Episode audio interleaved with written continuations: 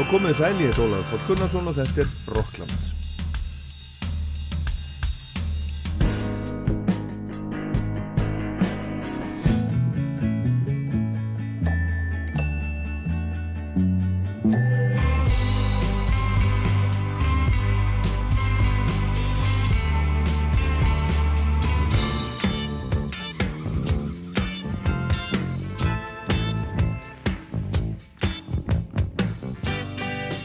Hljómsveitin Jethro Tull er hljómsveit þáttarins í dag.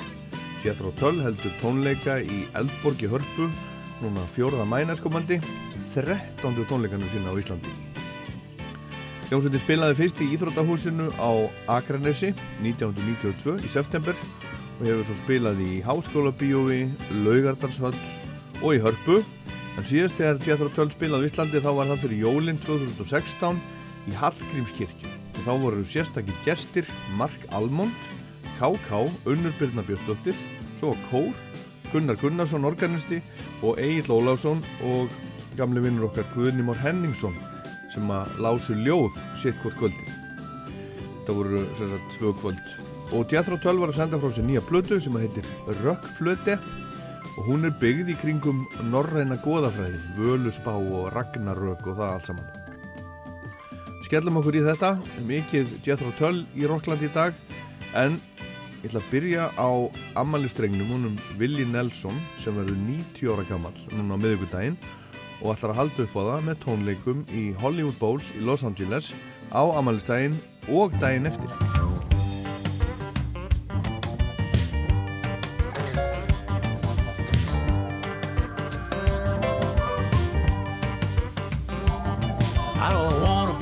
Last man standing, but wait a minute, maybe I do. If you don't mind, I'll start a new line and decide after thinking it through. Go on in front if you're in such a hurry, like heaven ain't waiting for you. I don't want to be the last man standing. On second thought, maybe I do. It's getting hard to watch my pals check out. Cuts like a wore out night. One thing I learned about running the road is forever don't apply to life. Waylon and Ray and Merle and old Norro live just as fast as me. I still got a lot of good friends left, and I wonder who the next will be. I don't want to be the last man standing. But wait a minute, maybe I do. If you don't mind, I'll start a new line and decide after thinking it through. Go on in front if you're in such a hurry, like heaven ain't waiting for you. I don't want to be the last man standing. On second thought, maybe I do.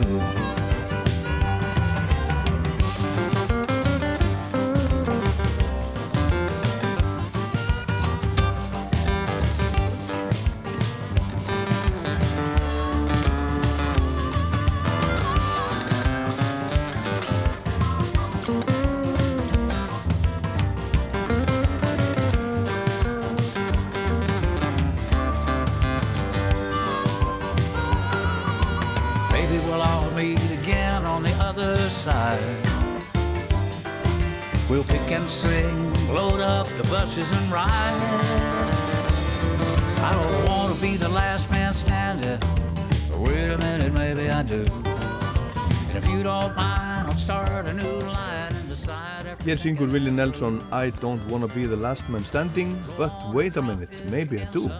Þetta kom út bara fyrir nokkrum árum 2018 á 60.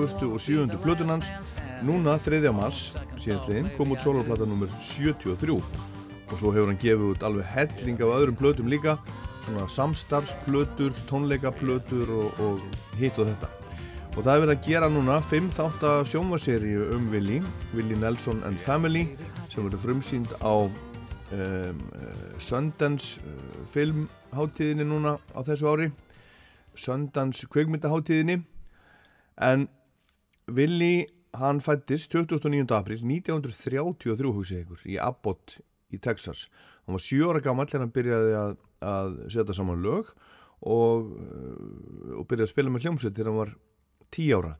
En hann gaf þó ekki út fyrstu plötunum sína fyrir hann var svona fann hann nálgast þrítugt, hann var meira í því að eh, semja lög fyrir aðra. En í dag þegar hann er nýraður þá er hann bara hann er bara næstu því komin inn á, inn á bandariska fánun, hann er bara líku við einu stjórnunum í bandariska fánanum. Og hann er alltaf með, með sama gítarin, hann er alltaf með, með fletturnar sínar, indjána fletturnar og sama gítarin, Martin með nælánstrengjum sem hann er búin að vera að nota síðan 1969 og við Magnús er Einarsson vinnu minn sem að skólaði mig til hérna á Rástfö í gamla dag þegar ég var kortnungur maður fórum saman á Glastonbury Festival á Englandi árið 2000 og þar sáum við Willi spila og hittum umbóðsmannans og okkur var búið að, að koma og hitta hann og spjalla smá í rútunni þegar hann var búinn að spila og það var, það var uh, svolítið sérstök lykt inn í rútunni og, og svolítið svona uh, reykur I've had to fix it up quite a bit. It has fell apart inside and the wood is rotted out in there so I have to go in there and reinforce it. But the tone is so good that uh, I wouldn't think of changing. Þannig fyrir næstu því 25 áru síðan saði Vili Nelson að hann væri oft búin að þurfa að laga gítarnu sinni gegnum tíðinu þetta, senda hann í viðgerð og svona en hann samtaði bara svo vel að hann gerði allt til að halda í honum lífinu og langaði alls ekki til þess að fá sér nýjan eða skipta. Þannig var Vili 67 ára og fólk var lungu byrjað að tala um hvað hann ætlaði eiginlega að halda þessu áfram lengi, þessu vissinni að túra og gefa út blötur og svo leiðis Oh, I don't know. After, after every tour, I threatened to retire, and I haven't done it yet. So uh, I don't know. The, the odds are pretty good that I won't after this one too. So uh, as long as the crowds are showing up like they are today, and uh, there's really no need to go anywhere. Einmitt, ef fólki heldur áfram að mæta á tónleika, hversu nætti hann þá að hætta að túra? Og hann er enn að gefa út blöður og túra.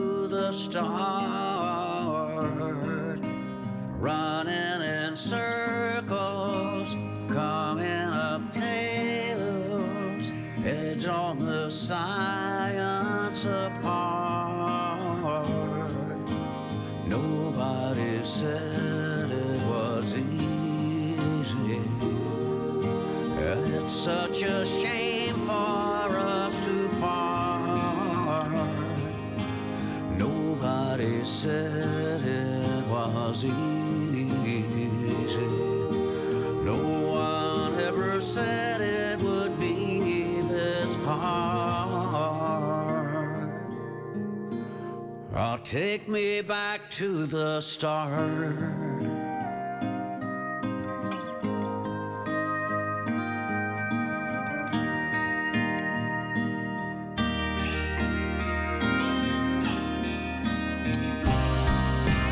I was just guessing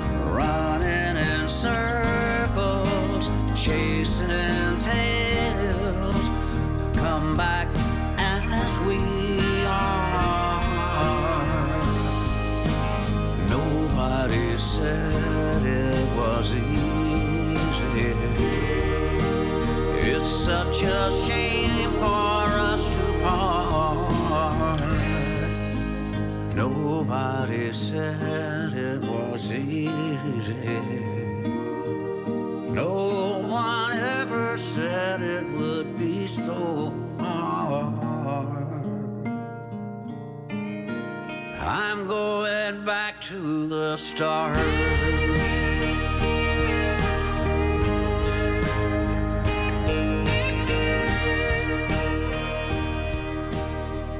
Þetta er flott. Þetta gaf Willi Nelson út þegar hann var 78 ára unglingur, Coldplay-lægið í Scientist og hann gaf þetta út með litlu myndbandi, teiknumynd sem hann var hugsað sem svona ádeila á versmiðju búskap. Willi er dýravinnur og mannvinnur og hann er einn af þeim þremur sem byggur til Farm 8 eftir Live 8, Live 8 á 1985 og svo var Farm 8 til svona svolítið út frá því. Hinnir sem eru með honum þar stopnum það með honum eru Neil Young og John Mellencamp.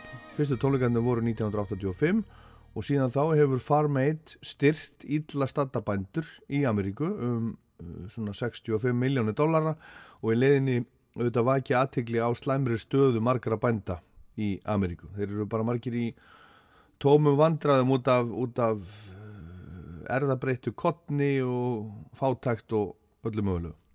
En Willi ætla sér að halda upp á amalið sitt, 90 ára amalið með tvennum tónleikum í Hollywood Bowl í Los Angeles á amalistægin sinn á miðugudaginn og daginn eftir líka. Og þar munu koma fram auk hans, fólk og vinnir eins og Beck, Billy Strings, Bobby Weir úr Grateful Dead, Chris Stapleton, Edie Brickell, Casey Musgraves, Leon Bridges, Lucas Nelson, sonur hans, Lyle Lovett, Margo Price, Miranda Lambert, Nathaniel Rateliff, Neil Young, Nora Jones, Orville Peck, Roseanne Cass, Sheryl Crow, Snoop Dogg, Sturgill Simpson, The Avett Brothers, The Chicks, The Lumineers, Tom Jones, Warren Haynes, Siggy Marley og fleiri. Many's the time I've been mistaken and many times confused Yes, and I've often felt forsaken and certainly misused. Oh, but I'm all right, I'm all right. I'm just weary to my bones. Still, you don't expect to be bright and bon vivant so far away from home, so far away from home. Don't know a soul who's not been battered, don't have a friend who feels at ease. I don't know a dream that's not been shattered are driven to its knees. Oh, but it's all right, it's all right, for we've lived so well so long. Still, when I think of the road we're traveling on, I wonder what's gone wrong. I can't help it, I wonder what's gone wrong. I dreamed I was dying. I dreamed that my soul rose unexpectedly, looking back down at me, smiled reassuredly. I dreamed I was flying high up above. My eyes could clearly see the Statue of Liberty sailing away to sea. Dreamed I was flying. But we come on the ship they call the Mayflower. We come on the ship that sails the moon. We come in the age's most uncertain hours and sing an American tune. Oh, but it's all it's alright. Can't be forever blessed. Still, tomorrow's gonna be another working day, and I'm trying to get some rest. That's all I'm trying to get some rest. Þetta er lag sem að mér þykir alltaf afskaplega vendum og þetta er á plötu sem að mér þykir líka afskaplega vendum. Þetta er af fyrstu plötunni sem ég keipti með Willi Nelson þegar ég var bara réttrumlega tvítur. Hún heitir Across the Borderline, kom út 1993. Þannig eru Don Was og Paul Simon upptökustjórar og þetta lag er einmitt eftir Paul Simon og sem segja reyndir að hann hefur fengið aðeins lánað af því frá, frá Bach Og þarna eiga líka lög fólk eins og Ray Cooter, John Hyatt, Peter Gabriel, Bob Dylan og Lyle Lovett og Willi sjálfur. Og svo eru þarna gestir með honum eins og David Crosby, Chris Christopherson, Sinead O'Connor, Bonnie Raitt, Dylan og Paul Simon. Þetta var 40. soloplatan hans, Willi, og svo nýjastæði nummer 73 af sérstaklega solo studio plötum. Hann er búin að gefa út miklu fleiri, fleiri plötur.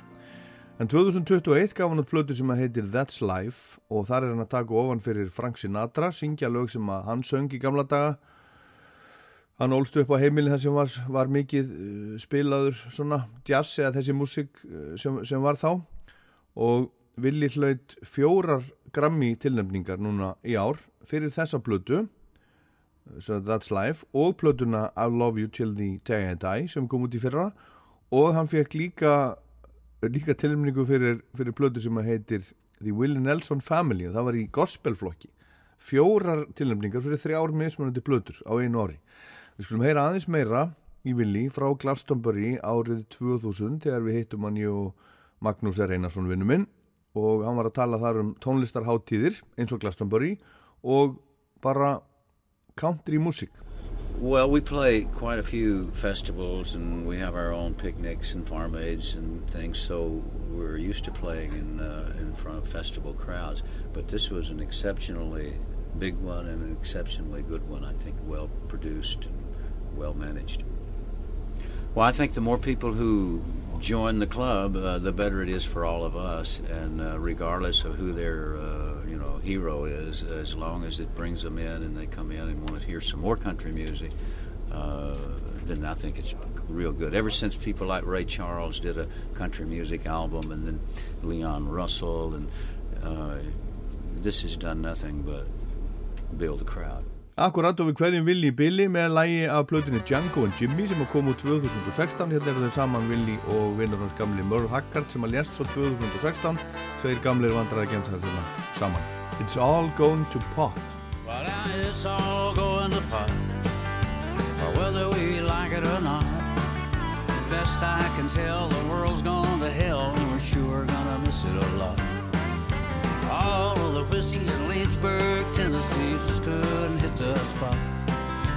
hundred dollar bill, friend, you keep your pills, cause it's all going to pot.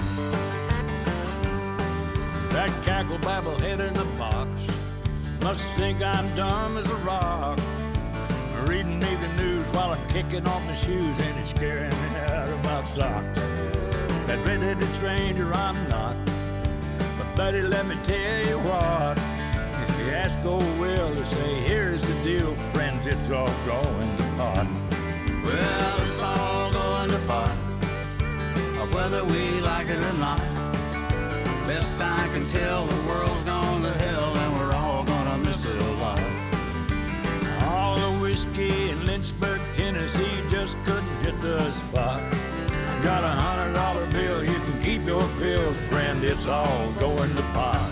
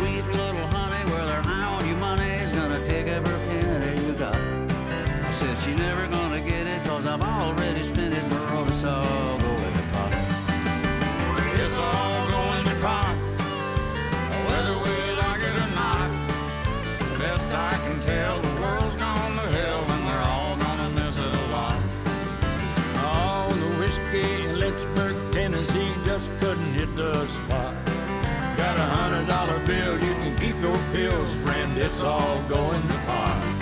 I got a hundred dollar bill, you can keep your pills, friend, cause it's all going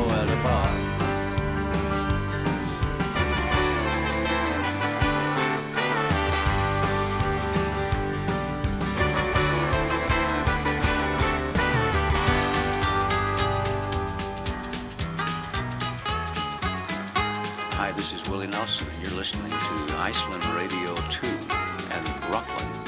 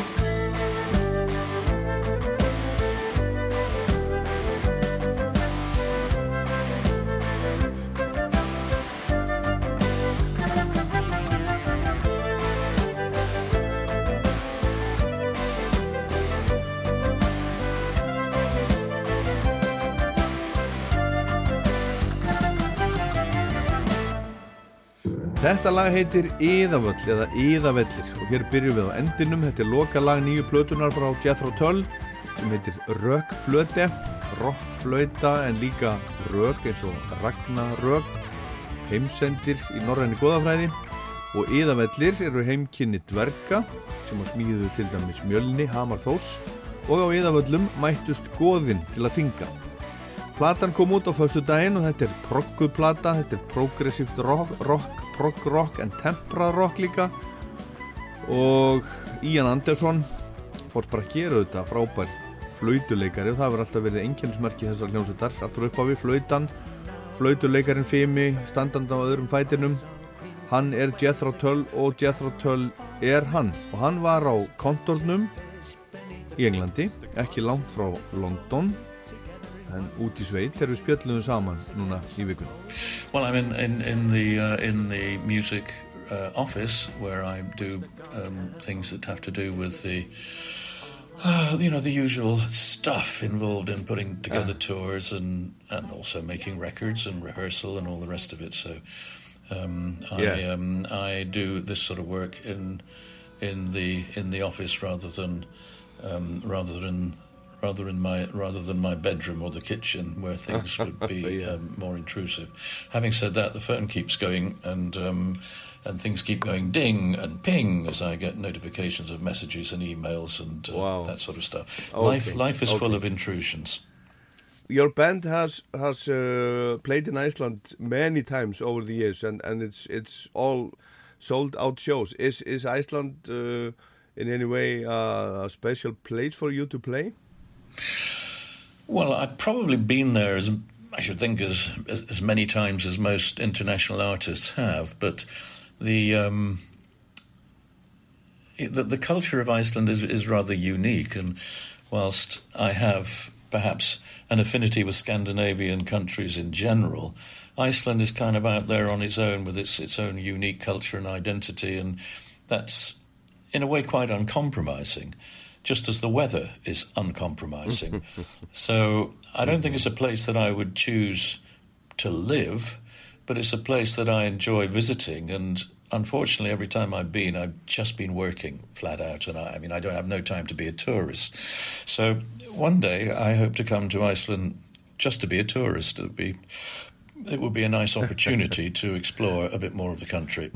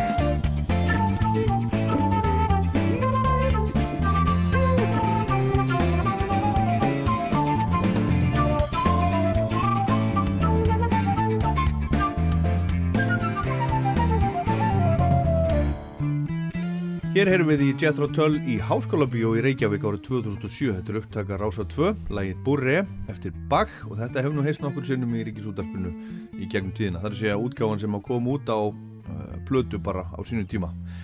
Og Ian Anderson, hann uh, saði hérna á hann að hann hafi uh, lengi haft sérstakarn áhuga á Íslandi eins og Norðurlöndunum öllum en hann hefði ekki náð að líta neitt í kringum sig hérna á Íslandi ennþá öllum, á öllum sínum ferðum hingað og ég var ekkert að benda í hann á það að hann ætti metið, tónleika met á Íslandi engin annar tónlistamæður eða hljómsveit í hans stærðaflokki hafi komið eins og oft til Íslands til þess að spila eins og hann og Djadró Töll en tónleikarnir í Eldborg núna 4. mæ þeir eru sem sagt að koma verða þeir 13. í rauðinni Jethro Tull kom fyrst til Íslands 1992, spilaði þá einmitt í heimabænum mínum Akranesi 20. og 5. september og ég man þetta mjög vel vegna þess að ég var þarna auðvitað og svo fættist hún tinna dóttir mín á sjúkrahúsinu á Akranesi þarna á sunnudeginu, tveimu dögum eftir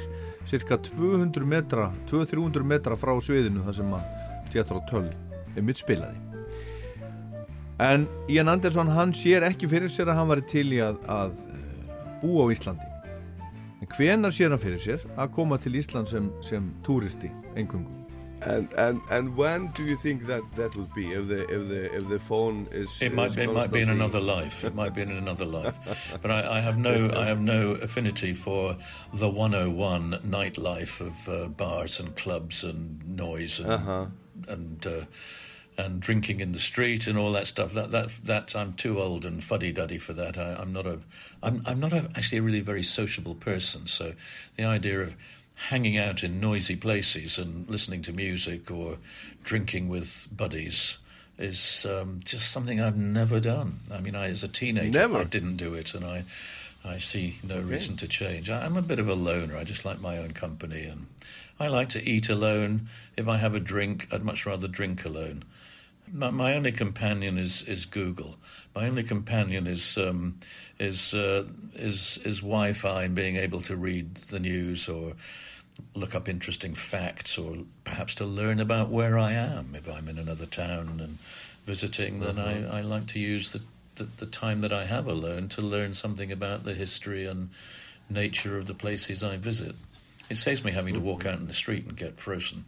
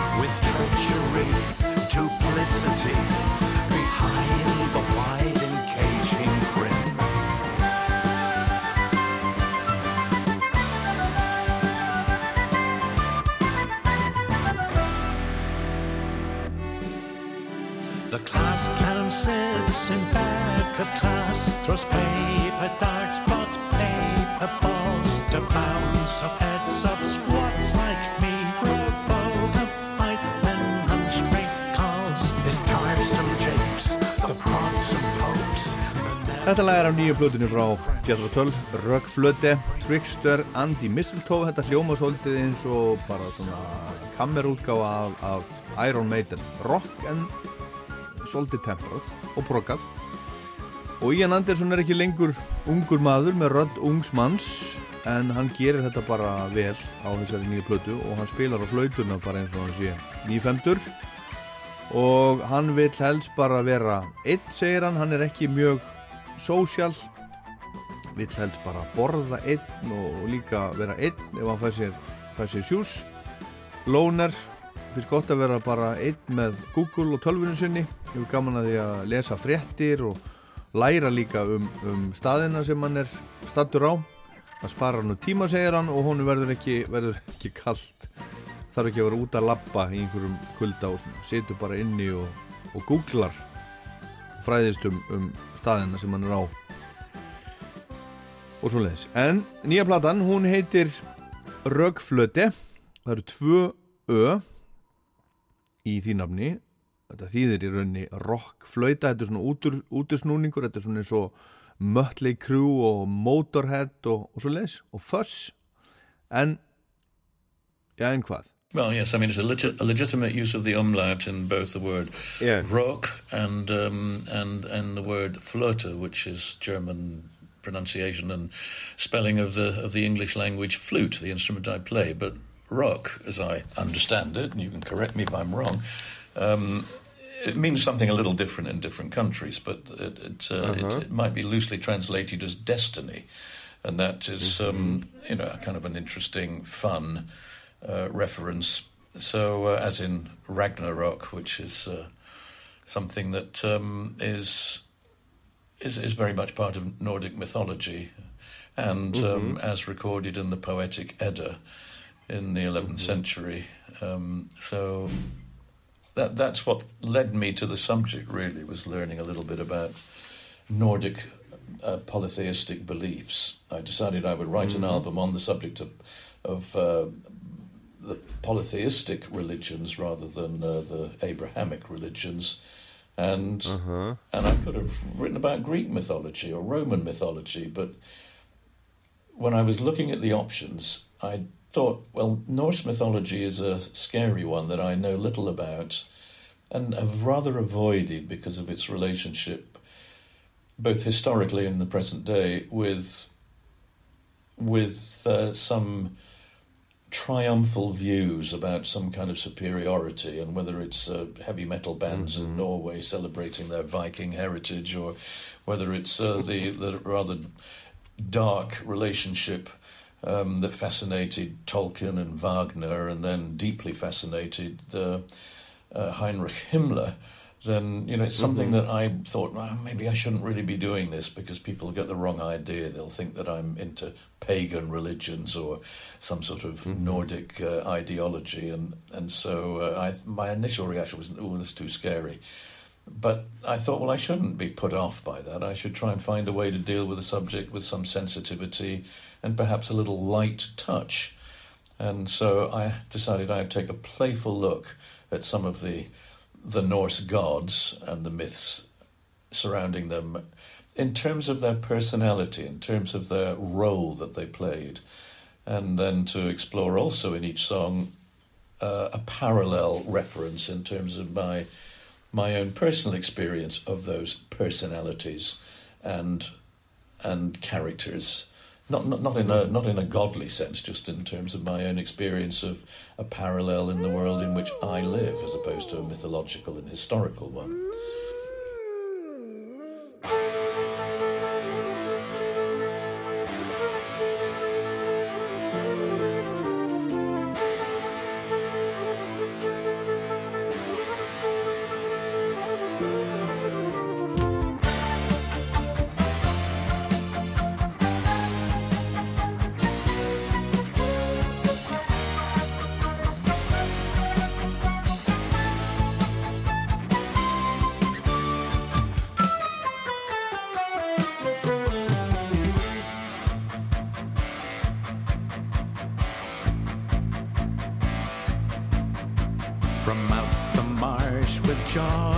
Agape and angry howls the wolf does run.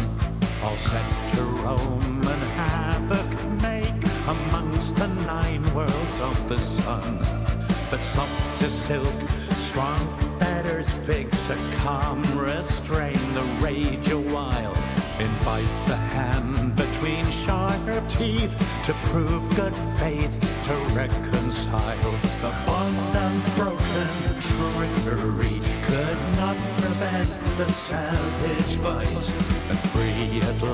with jaws against the ground and sky, the final fight.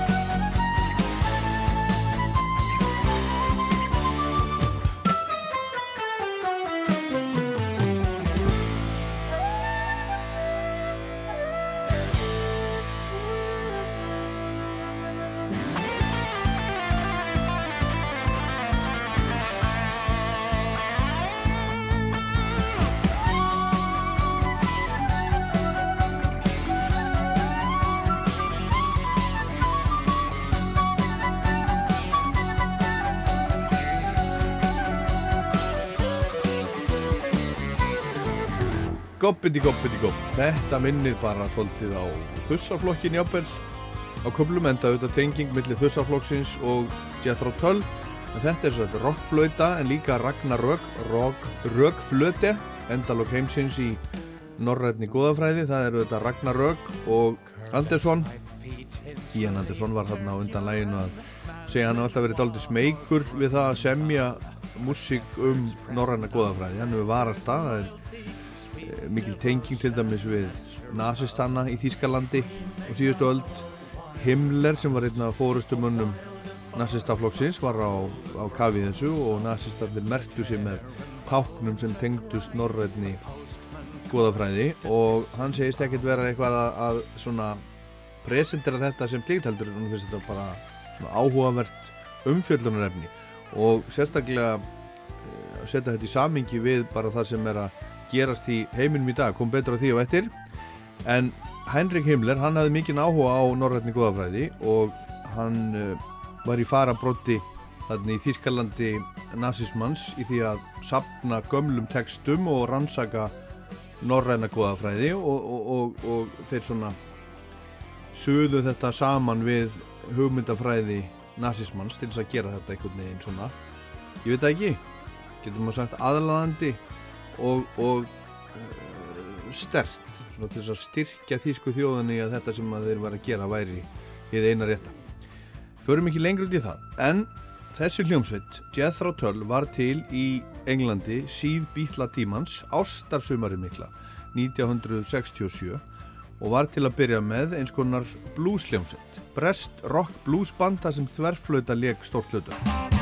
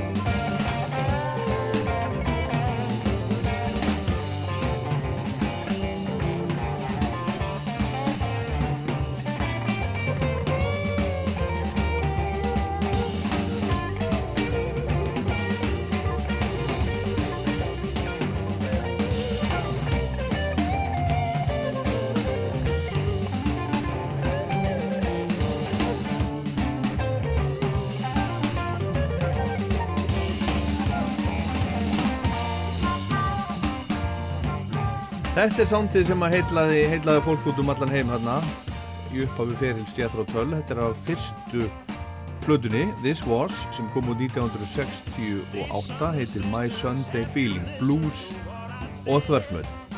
Og þarna var að þróast það sem að kallað var einmitt þróað rock, progressíft rock, prog rock og Jethro Tull hefur áallt verið í farabróti þessara prog rock sveita eins og Yes og Genesis og King Crimson og, og fleiri. En hvað eh, er prog í runni? Jú, fyrst var Elvis og Little Richard og einfalt rock og svo komu bítlarnir og sungu She Loves You, Yeah, Yeah, Yeah. Og svo fór tónlist bítlarna að breytast og fara hinga og þanga, þróast. Progress var mikið hjá þeim og mörgum í kringu þá. Lögin fór að lengjast úr þremur svona stöð mínútum upp í sjö og nýju mínútur fólk fór að syngja um allt mögulegt. Menn með sverð og risa og tröll og himnaríki og helviti og allt mögulegt. Lögin urðu kaplaskipt, allir ósa flinkir og beili millið þeirra sem að voru upp á sviði og þeirra sem að voru út í sal breykaði og að, þú þurftir að kunna ansi mikið til þess að geta verið í, í svona hljómsveit. Og það var það sem pöngarnir voru einmitt svo óanaði með Þetta var ekki rock'n'roll, heldur bara eitthvað allt annað, sögðu þeir. Engin gleði, ekkert stuð, bara endalus sóló og löng lög sem að fjölluðum drega og djöbla og eitthvað, eitthvað rögl. En proggið eins og punkið, punkrockið hefur haldið velli og tónleikandir hjá Jethro Tull í hörpu núna í mæ eru haldnir undir yfirskriftinni Jethro Tull The Prog Years. Þannig að það má gera ráð fyrir að darskráman verði svolítið svona progguð Mér skilst að það verði spilað talsvert af nýju plötunni og svo verði helstu proggnúmer úr langri sögu sveitarinnar spiluð í bland. Og svo er það spurning hvað er líku línan, hvað á þessu er progg en hvað er það ekki. Gítarleikarin Martin Barr var lengst af við hlið Íans Andersson í hljómsutinni, frábær gítarleikari, einn af þeim bestu í rocksögunni reynlega en hann hætti fyrir rúmum áratug og margir hafa, hafa saknað hans mikið úr hljómsveitinni. Við skulum heyra aðeins í honum og Ian Anderson og Jethro Tull árið 1971.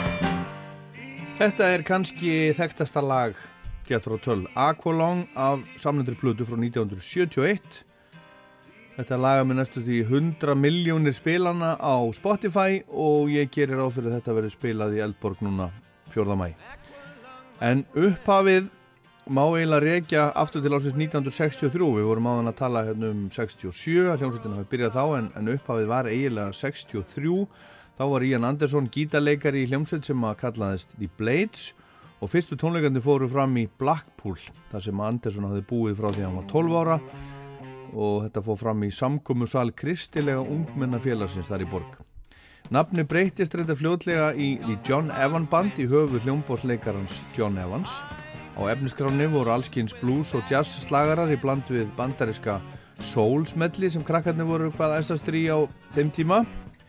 Sveitin breytist smátt og smátt þar til hún var það fyrst útgáðu Jethro Tull en það voru reyndar Ímis Nöpp sem voru nótu á þessum tíma.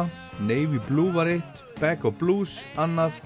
Jethro Tull var svo bara eitt af þessum nöfnum sem þau voru að prófa sig áfram með en Jethro Tull er nafn á á svona landbúnaðarfræðingi sem var uppi á 19. öld bóndi og uppfinningamæður og það nafn festist við þessa fjóra stráka sem stopnuði hljómsveitina en það voru þeir Ian Anderson, söngvari, gítar og flautuleikari Glenn Cornick, bassarleikari gítarleikari Mick Abrams og trommarinn Clive Bunker og það vildi ekki betur til en svo en að þegar fyrsta smáskjöfarsveitarnar kom út 1968 stóð Jethro Tull á blöðunni, ekki Jethro Tull. Platan seldist sam og ekki neitt en bandi var vel spilandi og þótti spennandi en það hafði undirbúnistíminn svo sem verið nægur þeir voru búin að vera að spila mjög mikið og víða árum saman þegar sveitinn sló svo í gegn. Og þó svo þessi litla fyrsta plata hafi ekki selst neitt þá var hún þess valdandi að hljómsveitin var ráðinn sem eins konar húsljómsveit í Marquis-klubnum í London um haustið 1968 og fekk svo í framhaldinu gig út um allt. Við höldum áfram með þessa sögu Jethro Tull og umfjöldum nýju plötuna hérna í Rockland eftir smá stund.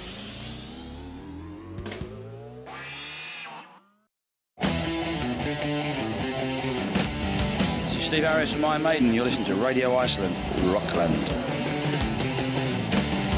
Og þó svo þessi litla fyrsta plata hafi ekki selst neitt þá var hún þess valdandi að hljómsveitin var ráðinn sem eins konar húsljómsveit í Marquis-klubnum í London um haustið 1968 og fekk svo í framhaldinu gig út um allt.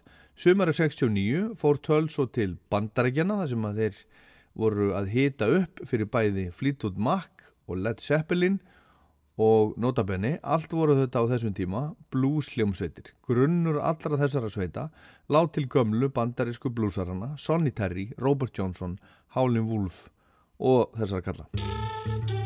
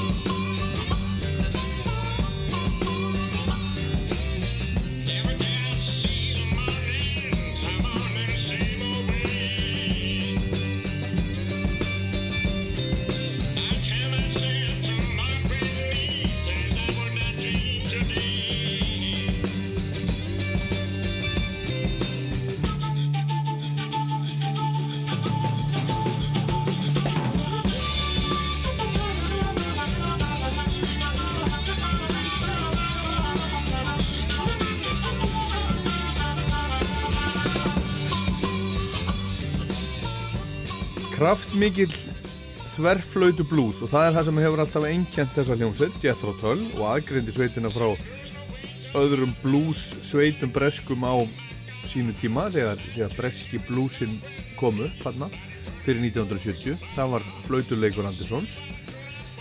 En það voru ekki allir hjá prifnir á þessu uppáttæki hjá honum. Til dæmis umbósmerðinni þeirra á þessum tíma Terry Ellis og Chris Wright sem að síðar átt eftir að stopna blötu útgáfuna Chrysalis.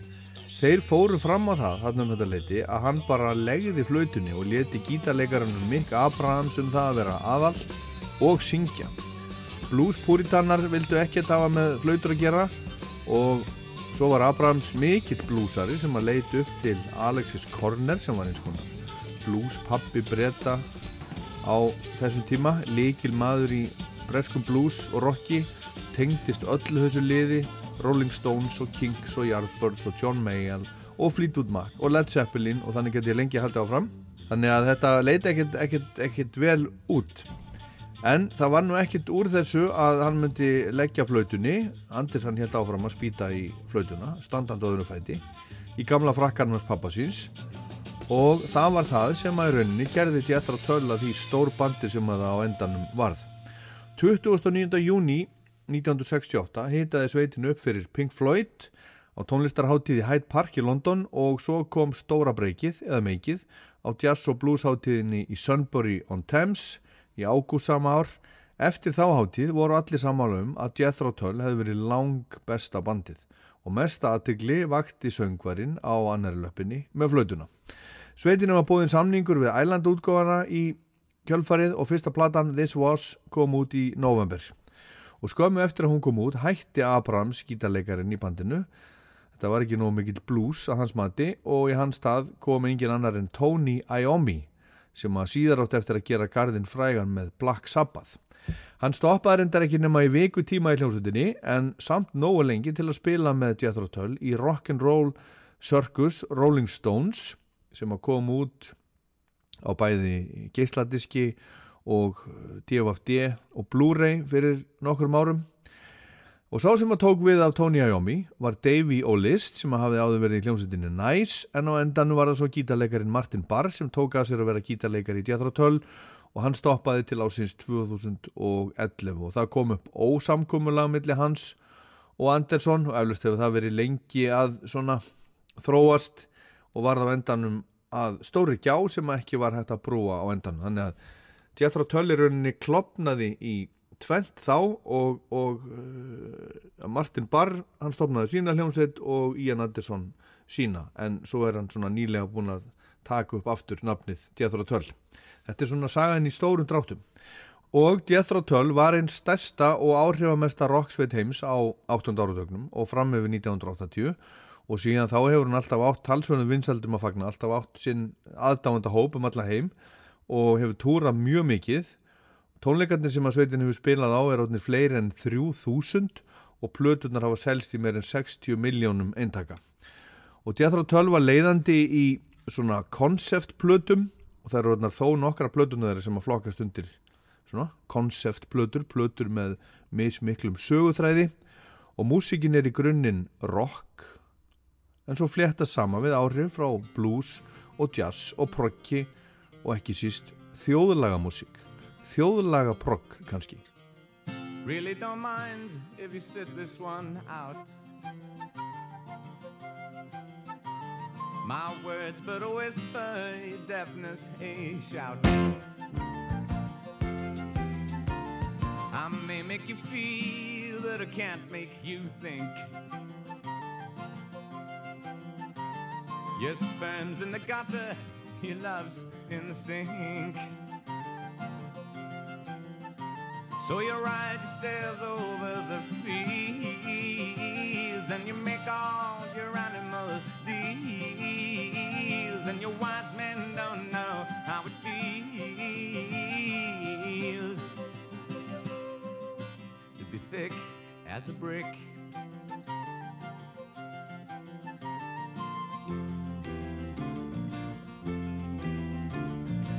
And castle virtues are all swept away. In the tidal destruction, the moral malay. The elastic retreat rings the close of play. As the last wave uncovers the newfangled way but you need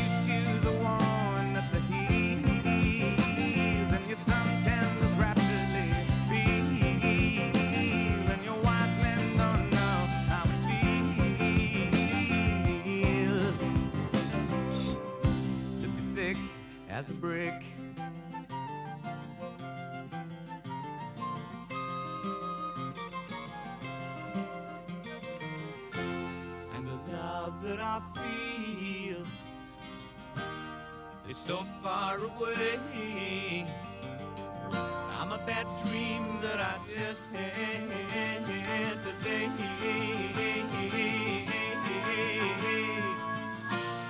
And you shake your head. You said it's a shame.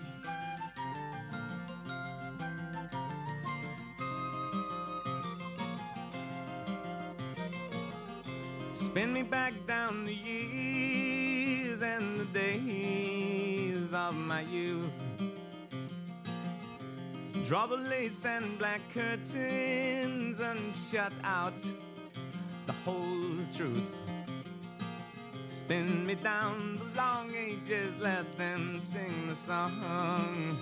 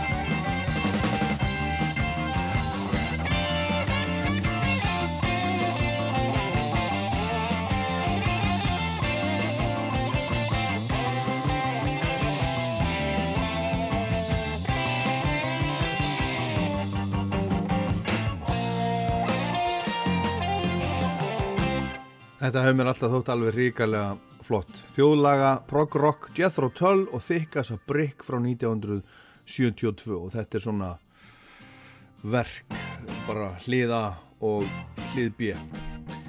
Það hefur verið talsvert um mannabreitingar í hljómsveitinni í gegnum tíðina og tónlistin hefur líka breyst í takt við tíðarandan.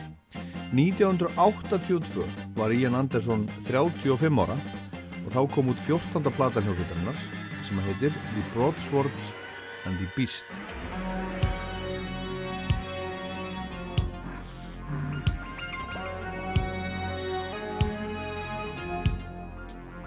From early days of infancy through trembling years of youth, long murky middle age and final hours long in. Here's the hundred names of terror, creature you love the least. Picture his name before you exercise the beast. You roved up and down through history, spectre with tales to tell.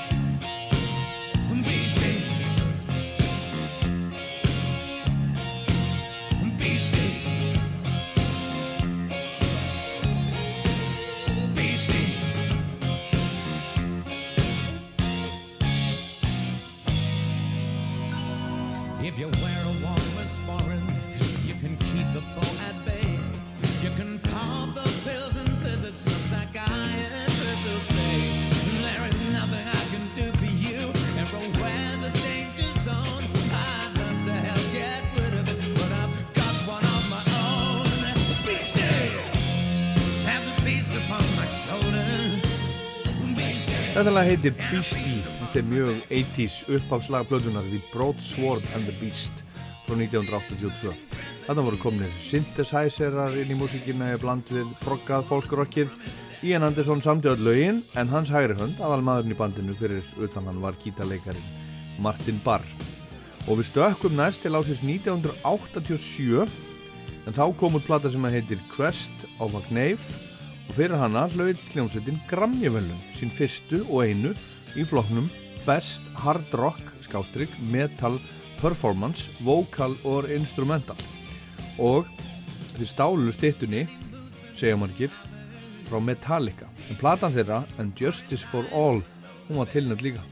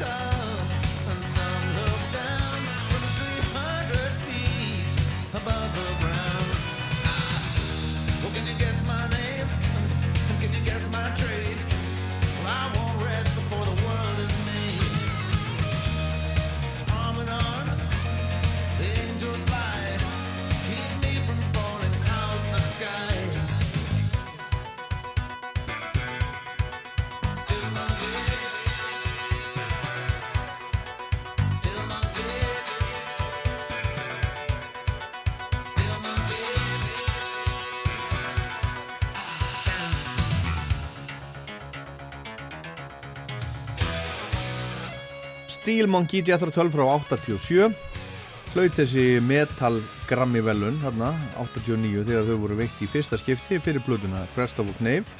Og ég man að það var gapað og hleyið já, í rauninni, hleyið af þessu út um, út um allan heim. Blöðuna sem að voru tilnefndar þarna í þessu flokki með 12 voru Blow Up Your Video, ACDC Nothing Shocking, Jane's Addiction Iggy Pop, Cold Metal og Metallica and Justice for All. Ég held að Metallica platan sé nú svo plata sem að hefði átt þetta, þetta skili svona ef maður horfir á þetta í, í sögulegu samengi en þá aftur að nýju plötunni Rökflöti þessari konceptplötu þar sem Ian Anderson er að velta fyrir sér að velta sér upp úr norrætni goðafræði.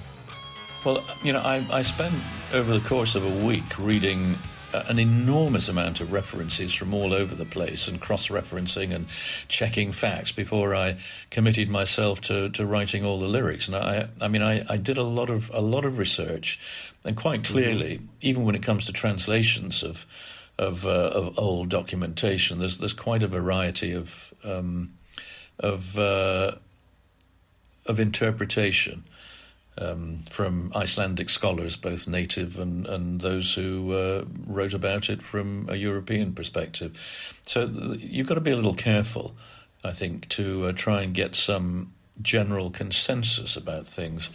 But so it is with pretty much everything we deal with. You know, we, we if you pick up a newspaper and read it, then you're only going to get you know perhaps a politically slanted view of the news. And every every morning, I tend to read five, maybe six newspapers online because I can get through them pretty quickly. And I, I try to cover the political spectrum between uh, the left wing, the the centrist, uh, and the right wing, and the and even sometimes more extreme right wing, as in the case of Fox News in the USA. Um, when when uh, when Russian television was available to us before Putin's misadventures, um, I used to also read the Russian media, uh, but I don't anymore because it's not on our television screens anywhere that I've seen in the last year.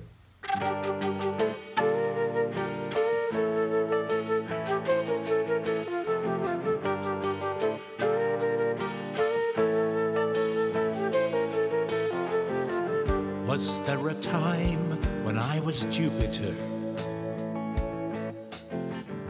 Like Saturn with sacred belt. Anvil sweating under blows. Hammer on hammer, cold steel to smelt. Coiled serpent silently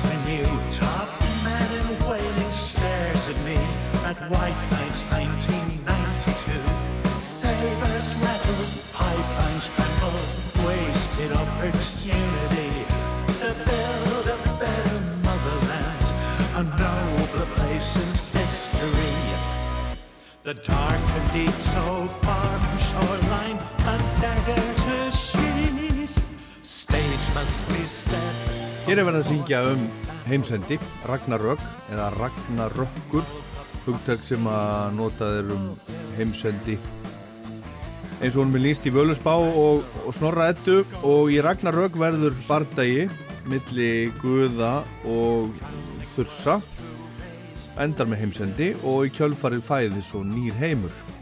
Og í aðdraganda Ragnaraka gerist eitt og annað til dæmis verður fimbulvetur þar sem snjór verður svartur vindar skjelfa og sólin og tunglið hverfa heimdallur blæs í gjallarhornið og vekur þar með æsina.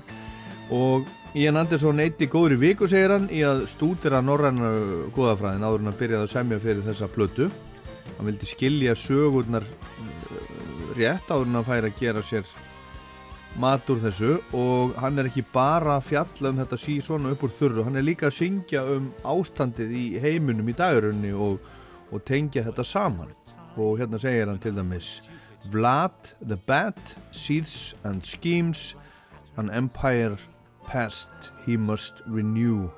Tough man in waiting stares at me at White Nights 1992 Sabres rattle, pipelines tremble wasted opportunity to build a better motherland, a nobler place in history. Og Andersson segist fylgjast vel með fréttum og ég hugsa að það sé nú svona það sem er hans helsta áhuga máli í dag. Hann fylgist með fréttunum mjög víða og myndar sér síðan eigin skoðun sín á, á heimsmálinn. Hann skoðar alls konar miðla. Og við skulum heyra næst uppáfslag nýju plötunar sem heitir einfallega Völusbá. It's the setting up of the um, of the album, really, in the words um, that I, I again, you know, got several different translations um, from from the descriptions and the and the text of the poetic Edda, but uh, I decided not to try and read it myself, um, but to um, the, the the words of the the the vulva, the uh, the uh, the sorceress, the uh, mysterious person that reveals the state of the world. Um, I thought I should find someone to do that in Icelandic, and so it just happened that I knew a lady in Reykjavik who would do that for me, who was confident enough to give it a go, and uh, so she, in terms of spoken word, so she um, she did the first and another reference in the final song, uh, using the, the the text from the Poetic Edda. She she went to a library in Iceland and got a slightly different version of some of the words.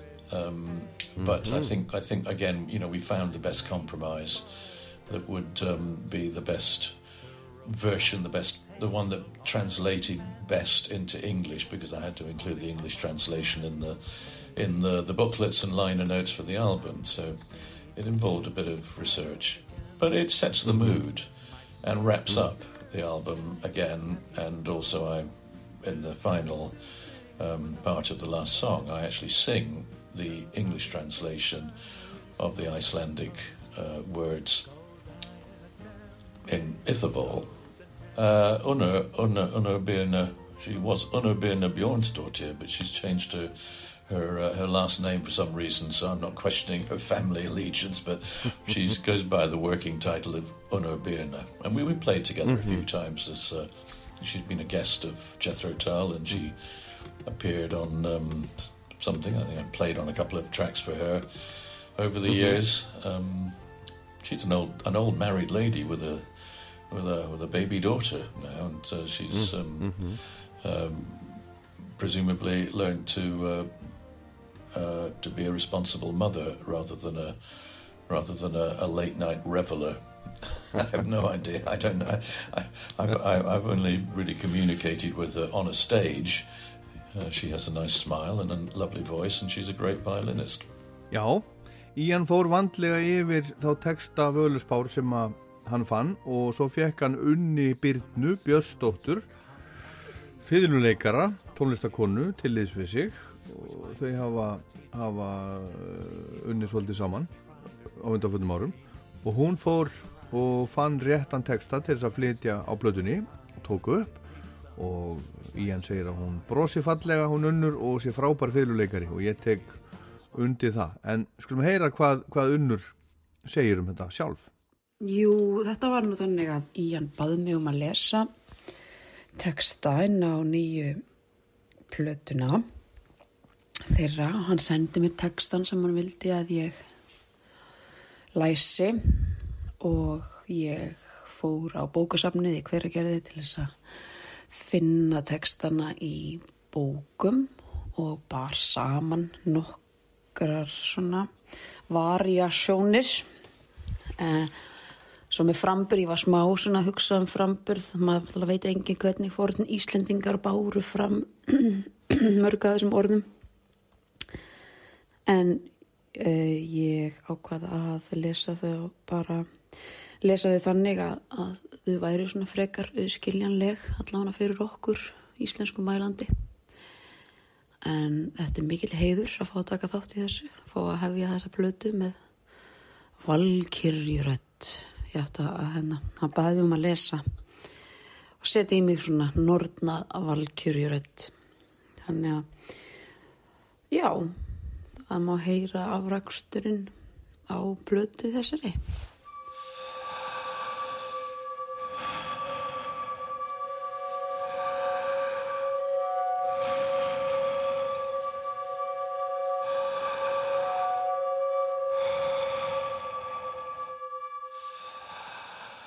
Ekman jötna, ár of borðna, þá er forðum mig fætta höfðu. Nýju man ek heima, nýju íviðjur, mjöt við mæran, fyrr mold neðan. Ár var alda, þar er í mér byggði var að sandr nýja sær, nýja svalar unnir. Jörð fannsk æfa, nýja upp heiminn. Gap var ginnunga, en gras hvergi.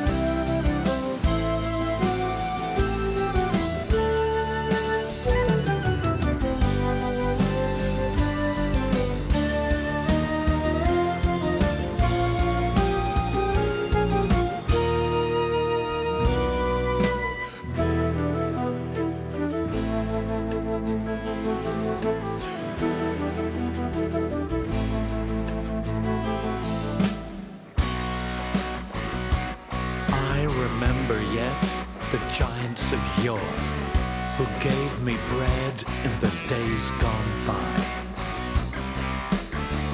Nine worlds I knew, the nine in the tree, with mighty roots beneath the mold.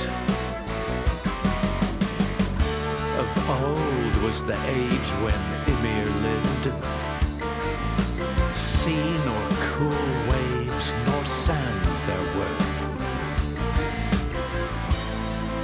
had not been, nor heaven above, but a yawning gap and grass nowhere.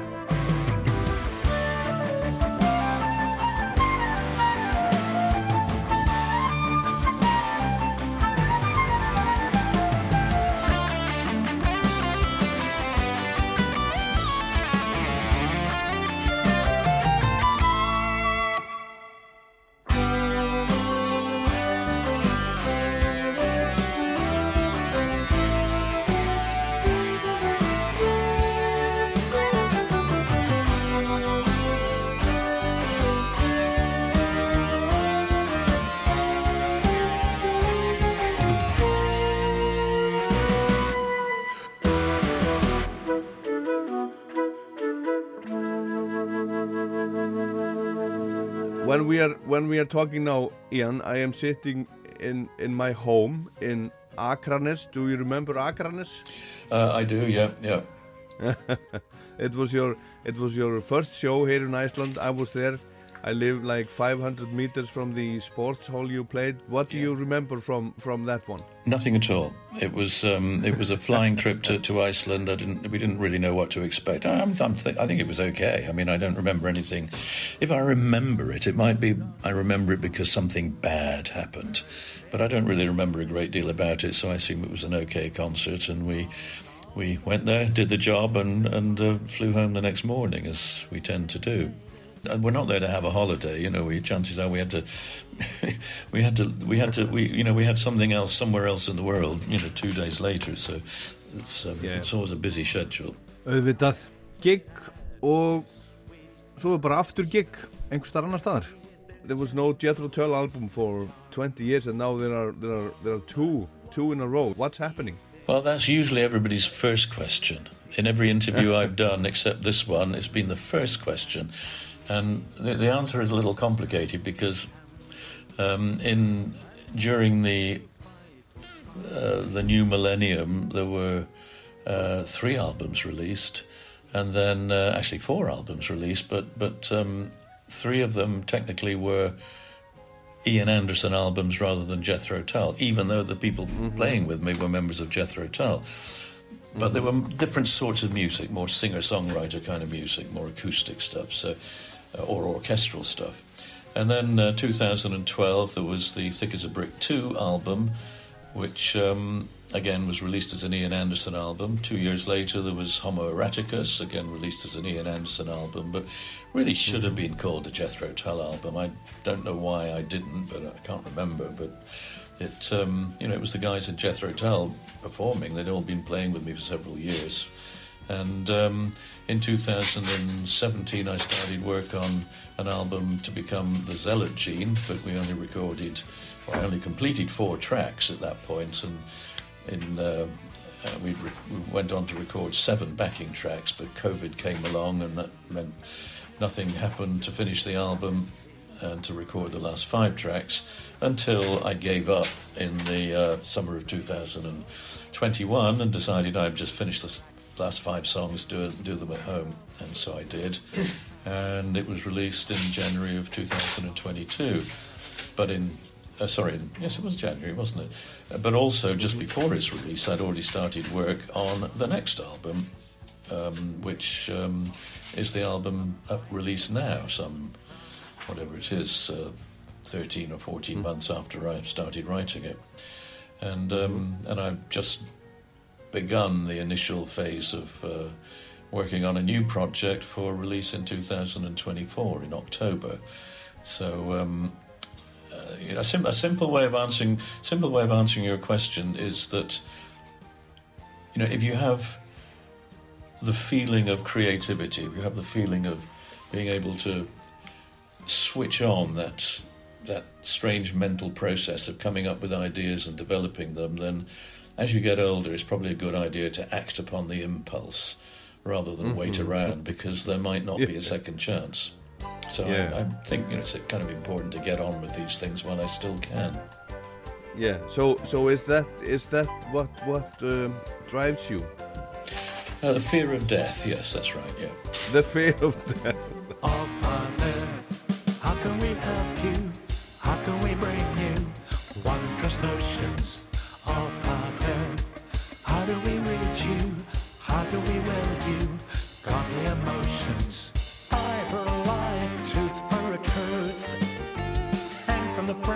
branches above the well. Nine days pass in the blink of one eye. One eye in heaven, the other in hell. Oh, Father, learn from the symbols born in these waters, a gift of the giving to others who fall at the feet of the Master and bathe in the presence, the dead and the living.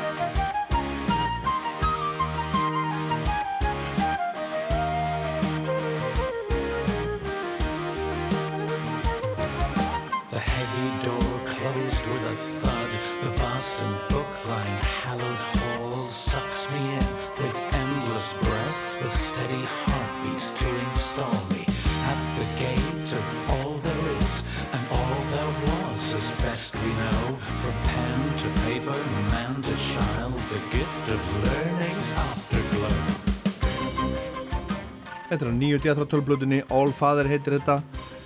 En það eru sem sagt núna tvær nýjar plötur, Seal og Jean í fyrra og svo þessi, þessi nýja.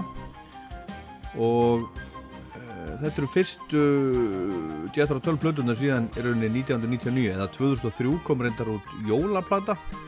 En Ian bendir á að hann hef ekki setið auðum höndum allan þennan tíma. Það kom út plötur þarna á þessu tímabili, þessu 20 ára tímabili bara ekki undir nafninu Jethro Tull heldur Ian Andersons Jethro Tull.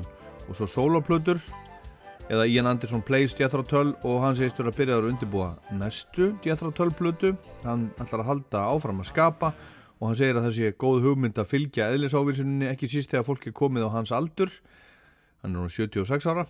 Hann glott út í annað og sagði það sem hvetur mig áfram með hræðislan við dauðan hann er humoristi með svona svolítið samt þauran humor COVID-tíminn fór misvel í, í fólk á þetta sömur voru bara eftir að higgja nokkuð sáttir með þennan tíma, notu hann til þess að líta inn á við og ímsi listamenn sem hefur tök á því notuðu, notuðu tíma þegar ekki var hægt að ferðast og spila, til dæmis tónlistamenn til þess að emitt, semja en margir úr tónlistabransanum þurftu að bara gera eitthvað allt annað til þess að eiga í sig á I think everybody had to do other things. You know, some of them, you know, one of the crew was driving a, a, a, delivery van, and others were able to do. Some of the musicians were able to do teaching online, Um, you know, Mhm. try and earn a little bit of money, and uh, other guys just sat and lived off their savings and hoped that it would all um, come back to some kind of normality, which it did in the summer of 2021, and we were able to start uh, rescheduling the dates um, that had been postponed. Uh, and we spent second half 2021 and all of 2022 performing all the shows that had been postponed from 2020, and um, so it's uh, it was really playing catch up for a long time, Yeah, and uh, that's the process that uh, I suppose is nearly at an end. I think we only have one or two tours next year that are those that have been yet again were postponed from two years ago. Um, Yeah. I, I know when we finally got to play in Finland last year, it was the third attempt um, because Really? the first time it was cancelled when we arrived in Helsinki. The government decided to um, close everything down, and so we had to fly home again the next day. And then we rescheduled the concerts, and they didn't happen because of another wave of COVID, and then they were rescheduled again. And that got put off because the promoter was too worried about another cancellation. So it was actually the fourth time. On, on the fourth fourth attempt, we actually finally managed to play in Finland um, last year. And um, so you can imagine from the point of view of people coming to the concert, you know, they bought those tickets in 2019 and they only got to see the band, you know, some three years later. Já, einhverjir úr liðinu hans í hans, hópnum hans, fólki sem vinnur með hann þurfti að stökkva í önnur og, og öðruvísi störf meðan COVID herjaði heiminn og einhverjir úr hljómsveitin hans tóku að sér kennslu þó dæmi séu tekin. Fólk þarf jú að, að, að borða og allt það. Og hann segir að þeir í hljómsveitinu séu enn að vinna upp vannspilaða tónleika vísvarum heim. Do you still like this touring life? You know, it's a difficult one because I enjoy visiting the places that I go to, and the, the concert part is the easy bit. You know, that's what you were there for. Walking on a stage at sound check, it's you know, there's a, another level of energy comes to you and another sense of um, anticipation of doing a concert. But the, the actual travel, the physicality of travel, I don't enjoy. I'm, I don't like flying, and I don't like um, I don't like long journeys. So it, it's not something that I really I really uh, would choose to do. I much prefer to take short journeys. So traveling to Japan or Australia or even the USA is something that I'm, you know, really not happy about doing. Uh, for a number of reasons, not just because it's physically uncomfortable for me, uh, but also because of the um, the fact that my carbon footprint is probably the size of ten elephants.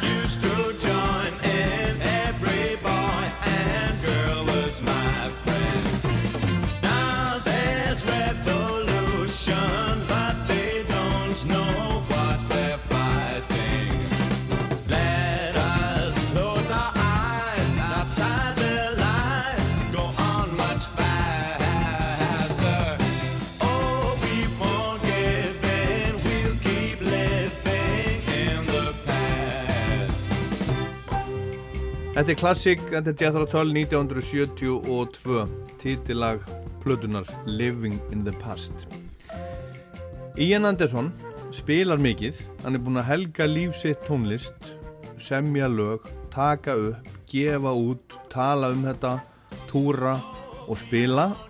En hlustar hann sjálfur á tónlist sér til ánægjum The only, the only time I listen to music is when uh, either if I'm working and I'm listening to my own music and you know having to um, uh, rehearse with the band or do whatever I'm doing, you know, then obviously that's very intensive uh, as an experience. But um, I don't listen to music recreationally except when I'm sitting on a, an airplane, and then I listen to music because I want to take my mind uh, away from the experience of flying because I'm a nervous flyer. So usually I listen to I listen a lot to Handel and Mozart.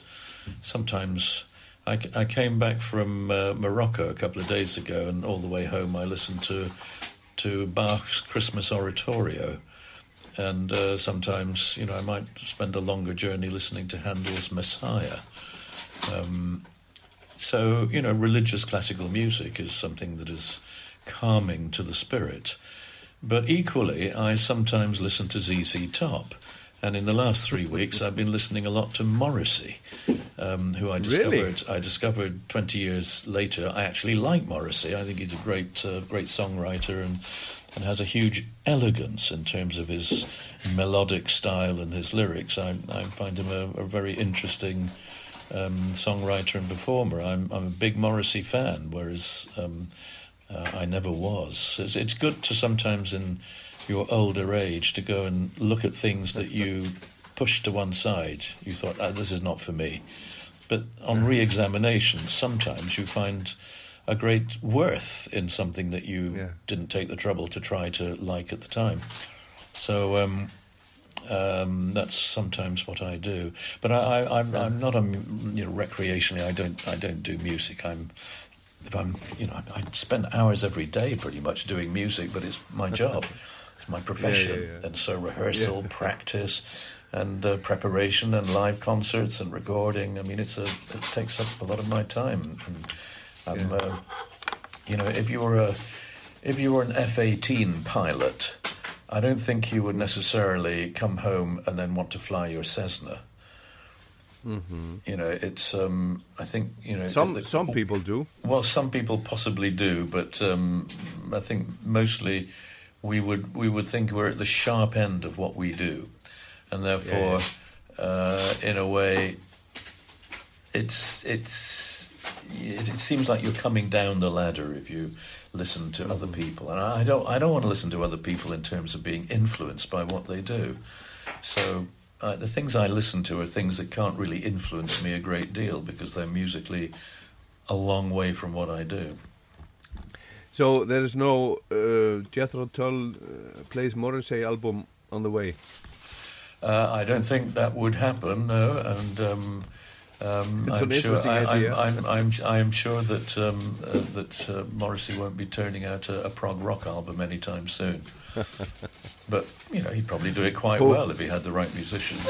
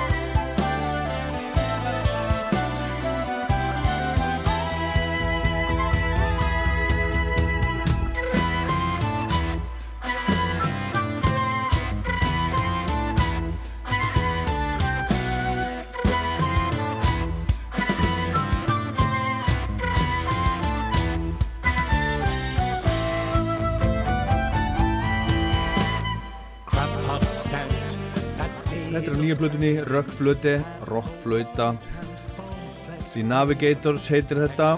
Og hérna á undanlæginu var Ian Anderson að segja okkur frá því að hann hlustar ekki á músík nema þegar hann er að fljúa hún finnst ekki gaman að fljúa og hún finnst það óþægilegt. Hann er kannski flugrættur, ég veit það ekki. En þegar hann er að fljúa þá hlustar hann helst á eitthvað eins og Mozart eða Handel til dæmis Jóla Oratóriu Handels En stundum hlustar hann líka á CC Top, segir hann, og undanfarið hefur hann verið að hlusta mikið á Morrissey, sem hann segist halda mikið upp á. Hann e, uppkvöldaði Morrissey reyndar ekki fyrir, fyrir löngu eftir Smiths og allt það, en hann segist halda mikið upp á Morrissey. Skemmtilegt, það er skemmtileg starrend, og hann er mikið í músíku þetta alla daga, allt sitt líf, og segist ekki nenna að vera að hlusta þegar hann á frí, þá kýsa hann eitthvað allt annað en músík, líklega bara þögnina. Og síðasta lægið sem við heyrum á þessari nýju Jethro Tull blödu í dag heitir Ginnungagap. En það er talað um Ginnungagap í Völusbá og það er samkvæmt heimsmynd norrætnar goðafræði, hefð mikla gap eða, eða þrum rýmið sem að var fyrir tilurð heimsins, gapið á milli heimins og jarðar og svo á að Jethro Tull spilar í hörpu 4. mæ Yeah, well, it's in, in trying. I, I, I started off with a sequence when I was writing the uh, the material. You know, I had a a pretty clear cut idea. I thought of the uh, of the structure of the album as a whole, and so it it seemed to me something quite important was to try and stay with the same the same uh, sequence, and I, I only for only because of the, the, the vinyl LP did I take one song out of sequence and change it somewhere later. But otherwise, I tried to, to give it some sense of of development, and so the, the first song sets the scene. Ginunga Gap is the is the is the creation song about the the beginning of of uh, the beginning of of the of the world, and it's something that I suppose you can relate to in the present day if you are a great fan of the natural world and the and the, the glory of of uh, of creation. Whether you're a religious person and you believe in the literal biblical creation, or uh, or, or you just believe in the more scientific Big Bang creation, all of these things are a subject of great wonder. And so, in a simple way, that's what I tried to explore in in Ginunga Gap is in a way that was just was was uh, four stanzas of of something more historical and related to the to the uh, the, the mythology, and then the last two stanzas are um, are set in in the world we live in, as if from the view from an aeroplane passenger airplane window and pondering on the glory of the universe that we see um, outside. og svona sláum við botnin í Rockland dagsins. Ég heit Ólaður Pál Gunnarsson. Takk fyrir að hlusta